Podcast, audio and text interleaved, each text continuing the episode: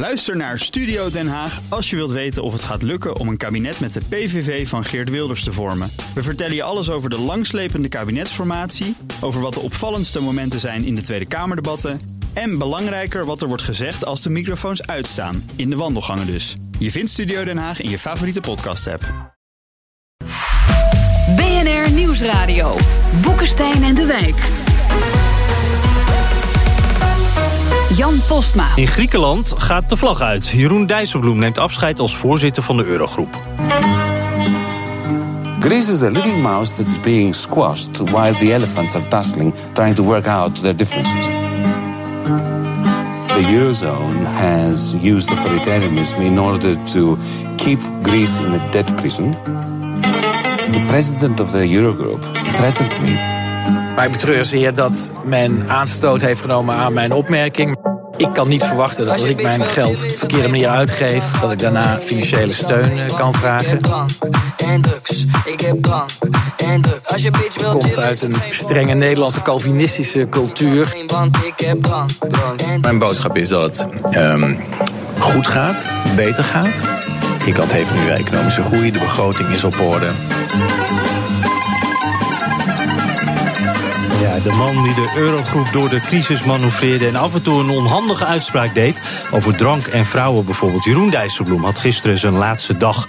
Welkom bij Boekenstein en de Wijk op zoek naar de nieuwe wereldorde. Met in de studio, hij is een groot liefhebber van drank en drugs. Maar dan bedoel ik natuurlijk het liedje wat we net hoorden. Rob boeken... Ik, Rob ah, Ben je een beetje liefhebber van Lil Kleine, Arend Jan? Nee, ik weet alleen maar wat van Bach af. nou, dat is wel een beetje beperkt dan in jouw opvoeding eh, gegaan. En uh, u hoort hem net al, hij is op de koffie bij Lee Towers. Ik bedoel natuurlijk Lee Towers, Rob de Wijk. ja, dat klopt inderdaad. Ja, daar moesten we even over nadenken. Veel nieuws. Ja. ja. veel nieuws. De hoofdstad van Litouwen. We gaan zo ook horen wat je daar uh, precies uh, doet. En je bent ook weer een beetje bij ons, want we hebben weer een uh, foto van jou hier hangen. Dus het, het voelt toch heel warm hier. Het is wel een beetje verfrommeld inmiddels, die foto. Dus we zullen hem je zo nog een keertje opnieuw uitprinten. Mm. Te gast, hij heeft geen verdovend middel nodig. Zijn drugs heet de EU. Zo is het toch, Alton? Ja, af en toe verdovend, af en toe een upper. Een opwekkend ben je dan. Ja, ja, ja. Europarlementariër voor de PvdA natuurlijk, welkom. Uh, ja, Rob, om maar even met jou te beginnen, want jij zit dus in mm. Litouwen. Wat doe je daar en, en wat wordt daar besproken? Nou, eigenlijk uh, is de aftrap van het uh, seizoen van discussies over internationale politiek uh, altijd in Litouwen geweest. Daar wordt de zogenaamde Snow-meeting gehouden. En dat is een oorspronkelijk initiatief van, en eigenlijk nog steeds hoor, van het kabinet van, van Litouwen. Dus het begint ook bij de president. vervolgens gaan we naar een andere locatie toe. En dan wordt er gediscussieerd eigenlijk alleen maar over hoe we met Rusland om moeten gaan. Nou, wie er aanwezig zijn, dat zijn de meeste bewindslieden van de omliggende landen. Dat wil zeggen eh, bewindslieden van eh, buitenlandse zaken en eh, defensie. Mensen van de NAVO zijn erbij. En dat is door de bank genomen een buitengewoon interessante bijeenkomst. Omdat je dan een heel goed beeld krijgt van hoe er hier wordt nagedacht. over bijvoorbeeld de Russische dreiging. Die hier natuurlijk mhm. echt veel meer wordt gevoeld dan bijvoorbeeld in Nederland. En, en wat is dan een opvallend punt dat je daar gehoord hebt? Nou, eigenlijk dat men gewoon niet weet hoe men er eh, mee, moet omgaan. Kijk, uh, een van de conclusies die hier wordt getrokken, maar dat is natuurlijk uh, absoluut uh, niks nieuws, is dat de NAVO onmogelijk de Baltische Staten kan beschermen. Dat kan gewoon niet. En bovendien zie je continue ondermijningsactie. Nou, dat heeft ook te maken met de hele discussie die ook in Nederland woedt over fake news. die gebeuren hier natuurlijk ook. Subversieve activiteiten om de boel op te poken en om de NAVO uit elkaar te spelen. Ja, de grote vraag is hoe, hoe je daarmee om moet gaan. En dat is toch wel erg lastig, uh, moeten we zeggen, omdat de NAVO verdeeld is. We hebben Trump in uh, de Verenigde Staten aan het uh, roer staan. die zendt gemixte signalen uit over de waarde die hij heeft, of die hij hecht aan de NAVO. Mm -hmm. we hebben een, een, een, een, probleem in Europa zelf, waar de Europese Unie niet helemaal meer solidair is met elkaar. kortom, dat zijn aardige discussies. En ja, je voelt hier natuurlijk aan de lijve hoe die internationale, die geopolitiek politiek uh, werkt. Want je zit hier gewoon uh, eigenlijk aan het front, om het maar zo te zeggen. Ja, uh, Paul Ja, zeker. het is wel jammer om te horen dat we eigenlijk niet weten hoe we daarmee om moeten gaan. Terwijl Nee. Nou, Rusland volop actief is. En het is niet alleen de militaire aanwezigheid van Rusland, maar ook Ja. eh, de verstoring van het nieuws, eh, de investeringen. Ik denk bijvoorbeeld een land als Servië. Hè, dat kent ook weer eh, uitgebreide Russische investeringen en ze beweegt zich tussen de Europese Unie aan de ene kant en Rusland aan de andere kant. En eigenlijk vind ik dat we daar niet naïef in moeten zijn. Ja, en Arend-Jan ook wel verontrustend, denk ik. Ja, toch? zeker verontrustend. En, en eh, nog even een opmerking erbij, die wel belangrijk is in deze uitzending. Eh, Rob vertelde net ook over dat Litouwen heeft natuurlijk wel heel last van eh, fake news, hè, van Rusland, van beïnvloeding. Eh, gisteren kwam er een rapport uit van de Democraten, een Senaatsrapport. En op pagina 113 gaat het over Nederland. En dan wordt Thierry Boudet en Forum voor Democratie expliciet genoemd. Dus Dit is een Amerikaans rapport waar je het hebt. daar staan we, weer, staan, we staan er weer gekleurd op. Ja, eh, en- eh, en het was wel pagina 113, eh Arend Jan. Ja, maar heel prominent. Het ging, ging dus per land, hè, per land. stonden heel prominent op Op pagina 113. 113. nou ja, we worden genoemd in ieder geval. Ja. Eh, laat dat gezegd zijn. Eh Dijsselbloem, daar willen we het eigenlijk graag over hebben. Eh Paul Tang, een partijgenoot natuurlijk, Europese collega ook. Eh, hoe zou u uw band met Dijsselbloem omschrijven? Is het een vriend? Is het een kennis? Of Een, een hele goede collega. Eh, een hele goede ja. collega? Ja. Ja? Nee, nee, dat- je werkt met elkaar en eh, we weten ook dat we soms verschillende opvattingen hebben. Dat staat, eh, staat niks in de weg dat je goed met elkaar omgaat. Mhm. En het was gisteren natuurlijk dus zijn laatste dag. Hè, al als voorzitter van die Eurogroep. Heeft het vijf jaar gedaan. Eh, is er nou iets waarvan u zegt, nou dat heeft hij echt heel goed gedaan? Nou, ik vind het, het, het- hij is heel behendig als voorzitter geopereerd. Het is toch een, een kruiwagen met kikkers. En hij heeft vaak die, die kick, hij heeft eigenlijk altijd die kikkers in de kruiwagen weten te houden. Onder andere Wolfgang Schäuble, dat toch echt een havik is in dat, eh, dat gezelschap. Dat heeft hij buitengewoon knap gedaan. Mhm. Ja, Rob, eh, is er iets wat jou eh, bijstaat van nou dat is wel een kwaliteit geweest van Dijsselbloem? Nou, nou ja, hij heeft het in ieder geval uitgezongen en hij heeft ook nog zijn termijn weten te verlengen. Dat is op zich binnen de Europese Unie heel wat. Dus in die zin heeft hij het heel goed gedaan. Maar ja, dat is natuurlijk ook een hele hoop discussie of hij het inhoudelijk ook goed heeft gedaan. Maar bureaucratisch moet je toch zeggen, dan heeft hij dat, eh, heeft hij dat aardig gered. Ja, uh, Arend Jan, dan komen we eigenlijk ook uh, bij een ander punt aan van nou, het grootste dossier Griekenland natuurlijk. Er zijn verschillende scholen over hoe Dijsselbloem dat gedaan heeft. Uh, leg eens uit. Ja, dat is allemaal heel controversieel en het is ook heel ingewikkeld, maar laat ik heel kort proberen iets te zeggen. Je hebt de school Dijsselbloem, die overigens heel erg door Schäuble werd gesteund. Hè. Dat is de gedachte van soberheid, hè. Hervormingen en kon, alles gaat conditioneel. Als je geen hervormingen doet, dan krijg je ook geen geld. Dan gaan we door onderhandelen. Hè? Nou, dan zijn er mensen, zoals denk ik Paul Tang, van die zeggen: ja, hervormingen kosten ook geld en tijd. En dat betekent dus, dan moet je misschien toch meer gaan denken dat je ook in, in het kader van schuldverlichting. Nou, wat het probleem met het schuldverlichting was, onze banken zaten daar vreselijk in. En als we dat hadden gedaan, had je daar weer problemen mee. Dan hadden wij zelf, onze banken hadden dan de rekening betaald. Ja. En er is nog een derde uh, school waar ik niet toe behoor. Dat zijn mensen die zeggen dat Griekenland een totaal ander politiek systeem heeft. En dat dat überhaupt nooit in de euro had kunnen passen. En ik vind dat die mensen nu eigenlijk een beetje ongelijk krijgen. Want als ik de berichten mag geloven, loopt dus de derde tranche, de laatste tranche van 85 miljard in september af. En er bereiken mij allemaal berichten dat de Grieken dan daarna, dus op de internationale kapitaalmarkt, hun schuld kunnen herfinancieren. Dat ze niet een nieuw pakket nodig hebben. Nou, Weet je nog wat mensen in 2003, 4, 5, 6 uh, zeiden? Hè? En, uh, sorry, 2015, 14 en 13 zeiden. Ja, ja, hè? ja, ja. Dat, ze, dat hebben ze voor onmogelijk gehouden, toch? Hm. Zeker. Ja. Nee, dus dat, uh, wat dat betreft zie je ook weer dat in, in Griekenland een hele zware val. Een kwart van de, het inkomen weg. De, de werkloosheid is nog steeds 20 procent. Die economie weer aan het terugkrabbelen is. En dus ook de overheidsfinanciën beter op, uh, beter op orde komen. Even over die scholen toch. Hè. Het IMF is eigenlijk van rol gewisseld. Hè. Dus Duitsland en Nederland steunen altijd het IMF. En het IMF heeft op een gegeven moment gezegd... Het overschot moet niet te veel oplopen, want inderdaad, hervormingen kosten geld. En er moet sprake zijn van perspectief door schuldverlichting. En het opvallende is dat Duitsland en Nederland wel altijd het IMF aan boord wilden hebben, maar niet geluisterd hebben naar het IMF. En hoe komt dat, Paul? Want dit is een hele interessante vraag. Hè? Waarom is dat niet gebeurd? Nou ja, ik denk dat uh, haast een uh, morele opvatting was dat uh, ze op de blaren moesten zitten en dat je niet een slecht voorbeeld mocht geven aan, uh, aan, uh, aan andere landen. Dat speelt erg in, in, Nederland en dat speelt ook heel erg in, in Duitsland. Dus, dus Schäuble wilde niet dat Griekenland het verkeerde voorbeeld voor Frankrijk zou zijn. Bijvoorbeeld. Ja. Zo heeft Varoufakis het wel eens uitgelegd over de opvatting, wat de opvatting van Schäuble is. Zijn we daar dan misschien ook wat te ver in gegaan? Is dat een fout geweest? Ja, ik denk dat de, de kost enorm is geweest.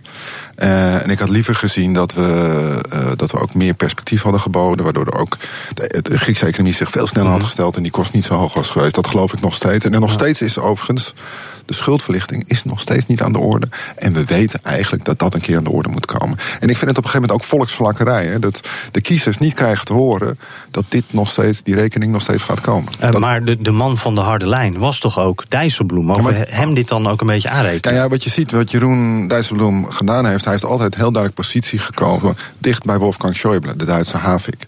En dat heeft, zich, dat heeft hem ook wel part gespeeld in de Eurogroep. Niet alleen bij het dossier uh, Griekenland, maar ook bij andere dossiers. Want het feit dat die opmerking over vrouwen en drank mm -hmm. zo verkeerd werd opgevat door de zuidelijke landen, zegt ook hoe hoog de frustratie daar is opgelopen. Terwijl een van de doelstellingen van zou moeten zijn dat je die verschillen tussen Noord en Zuid, dus die kloof tussen Noord en Zuid zou moeten overbruggen. Dat is hem niet gelukt. Hm. Integendeel. Maar wat natuurlijk, oh, wat ja, een probleem was, dat als je dus schuldverlichting heel vroeg al had gedaan, onze banken zaten er hartstikke in. Ja.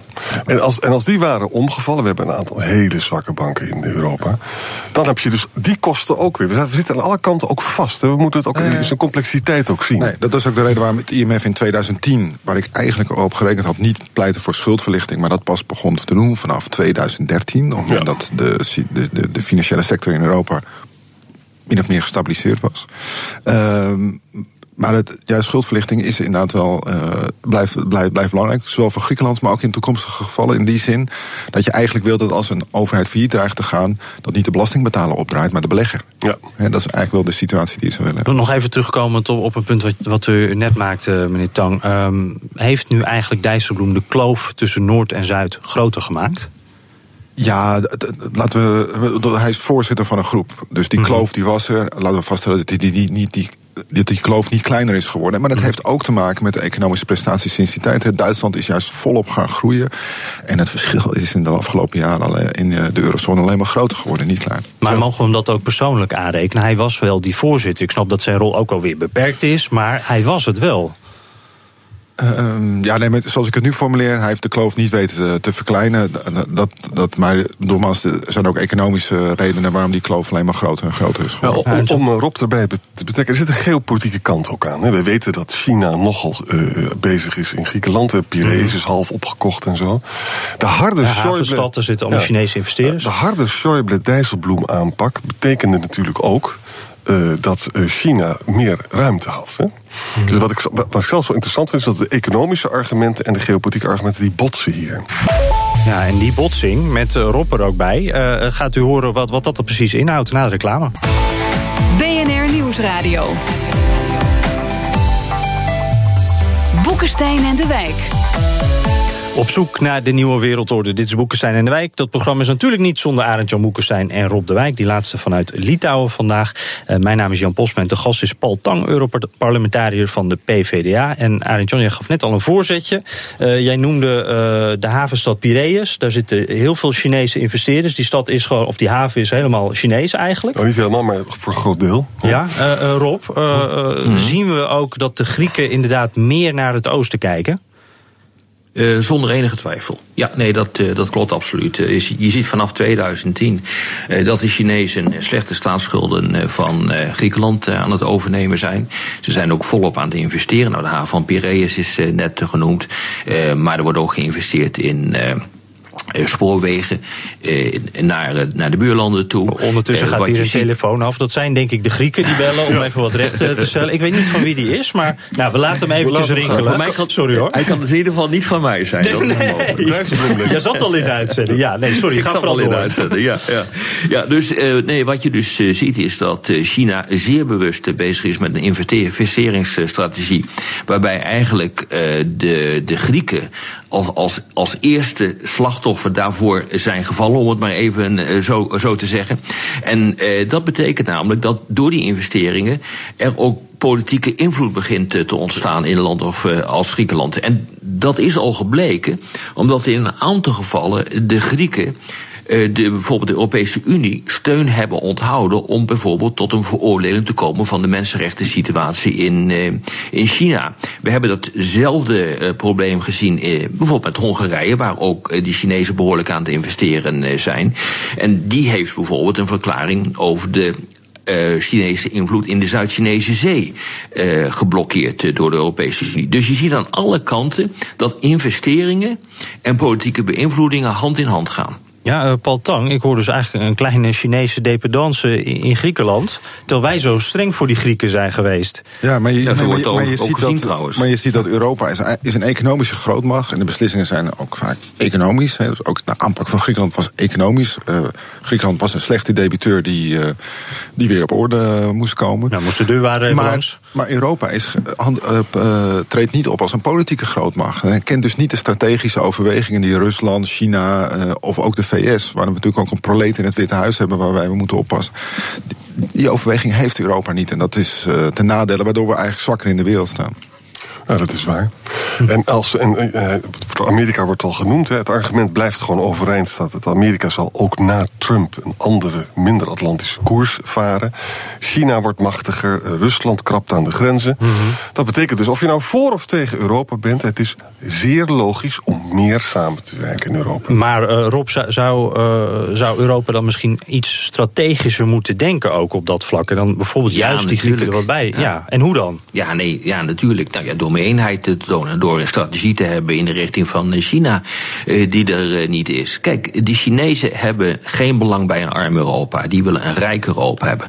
Maar ze willen ook een Europa hebben dat politiek verdeeld is. Ze willen gewoon geen gedonder hebben met, met Europa. Het wordt steeds meer gezien als een, win, een windgewest. Het een soort ja, het is een soort omgekeerde kolonisatie uh, van Europa. Als je het uh, echt even heel cru zou willen zetten. Nou, het enige wat je daar tegenover kan, kan zetten, is, is natuurlijk veel meer eenheid, eenheid en een visie hoe je met China omgaat. Nou, dat zie je dus al met Merkel, die op dit ogenblik al aan het zeggen is van ja, die Chinese investeringen, die moeten we echt wel even goed tegen het licht houden. Wanneer ze hier worden gedaan. Want we willen niet dat dat wordt omgezet in politieke beïnvloeding. Ik vind eerlijk gezegd ook dat Nederland dat moet doen. Ja. Maar meer eenheid uh, binnen Europa betekent ook dat je moet durven om met meerderheid besluiten te nemen. Kijk, elk land heeft ja. nog zijn eigen buitenlands beleid. Uh, dus ook Nederland, dus ook Luxemburg, uh, om maar een paar wat kleinere landen te noemen. Mm -hmm. En dat is een situatie die niet meer houdbaar is. Dus je moet gekomen tot een gemeenschappelijk buitenlands mm. beleid.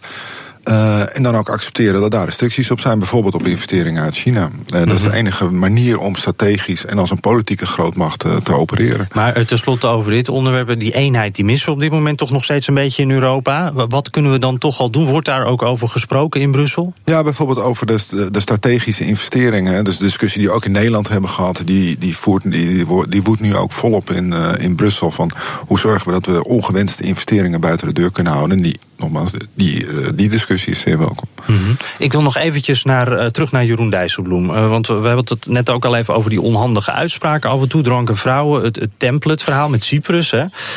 Wat dan ook een beetje, geloof ik, aan de vraagstelling van de journalist lag. Maar dat even terzijde. Juncker, die een verstokte roker en drinker zou zijn.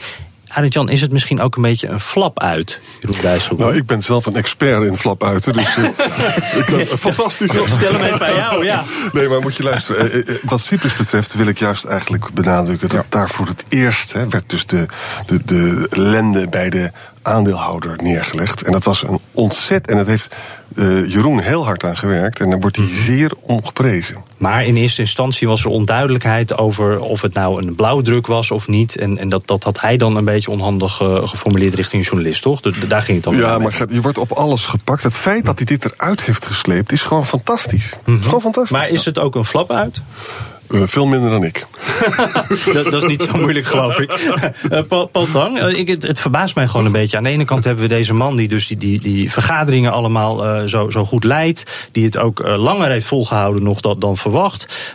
succesvol geweest, maar af en toe komt er dan zo'n gekke, rare uitspraak tussendoor. Waar, waar komt dat vandaan? U kent hem beter. Ja, het is een goede vraag. Ik weet niet of ik hem kan beantwoorden. Maar misschien moet toch wel vaststellen als iemand dat, dat vijf jaar doet... dat je ook wel eens drie keer dingen verkeerd zegt. Hij heeft mm -hmm. heel veel... we gewoon vast dat hij het gewoon in de publiciteit, dus in, in de woordvoering, vaak heel goed heeft gedaan. Mm -hmm. en, en, over Jonker had hij eigenlijk gewoon gelijk, toch?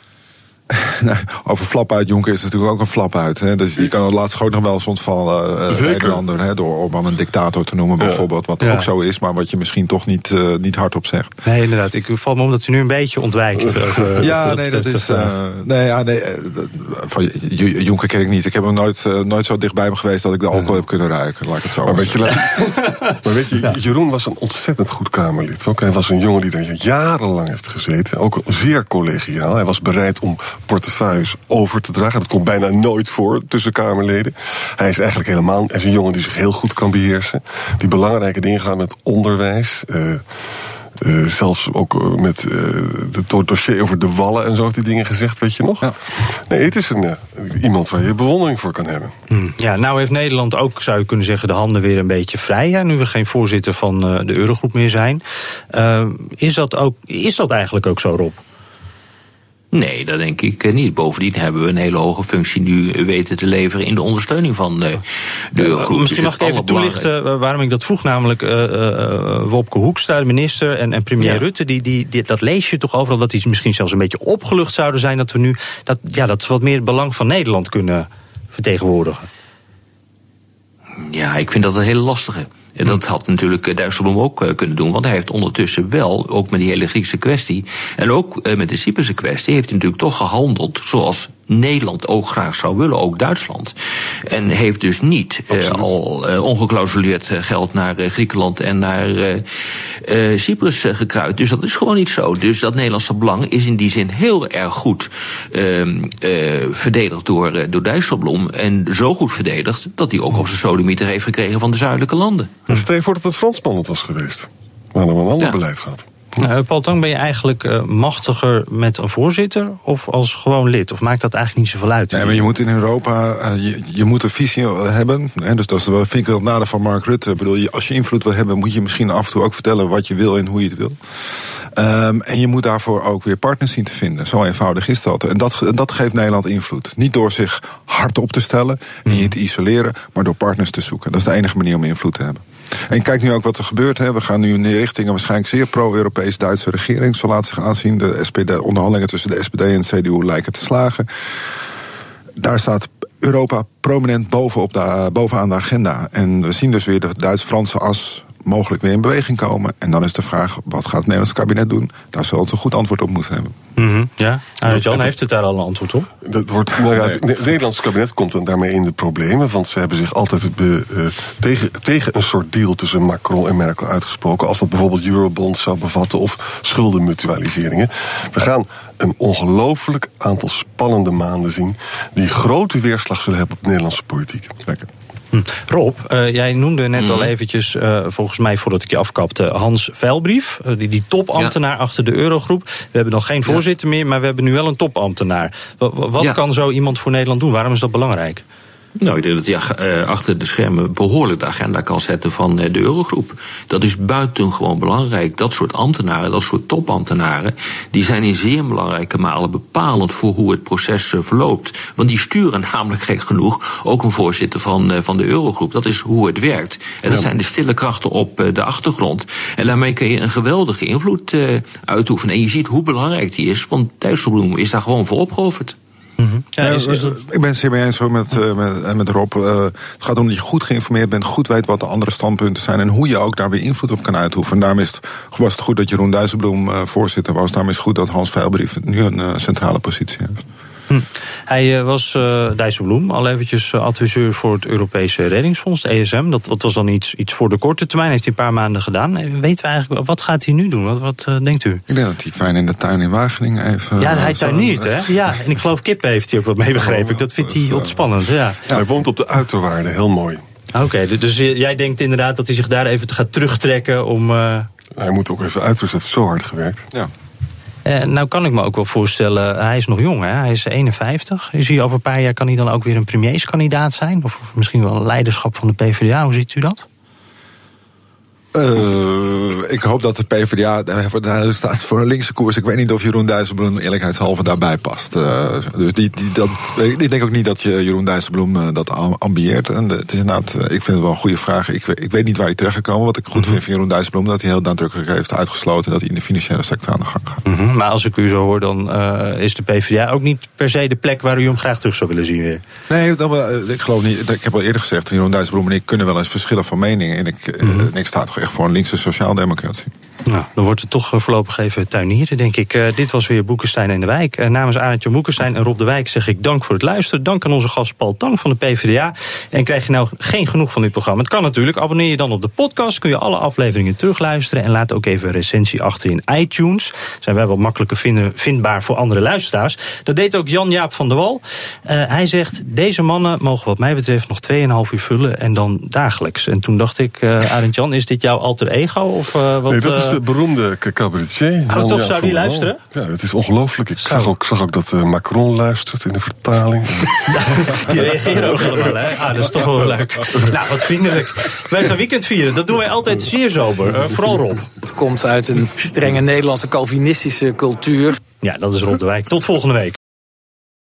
Ook Diana Matroos vind je in de BNR-app. Ja, inderdaad. Je kunt live naar mij luisteren tijdens de Big Five. Ook handig in de BNR-app. Breaking nieuwsmeldingen, maar ook het allerlaatste zakelijke nieuws. En je vindt in de app alle BNR-podcasts, waaronder Wetenschap Vandaag. Download nu de gratis BNR-app en blijf scherp.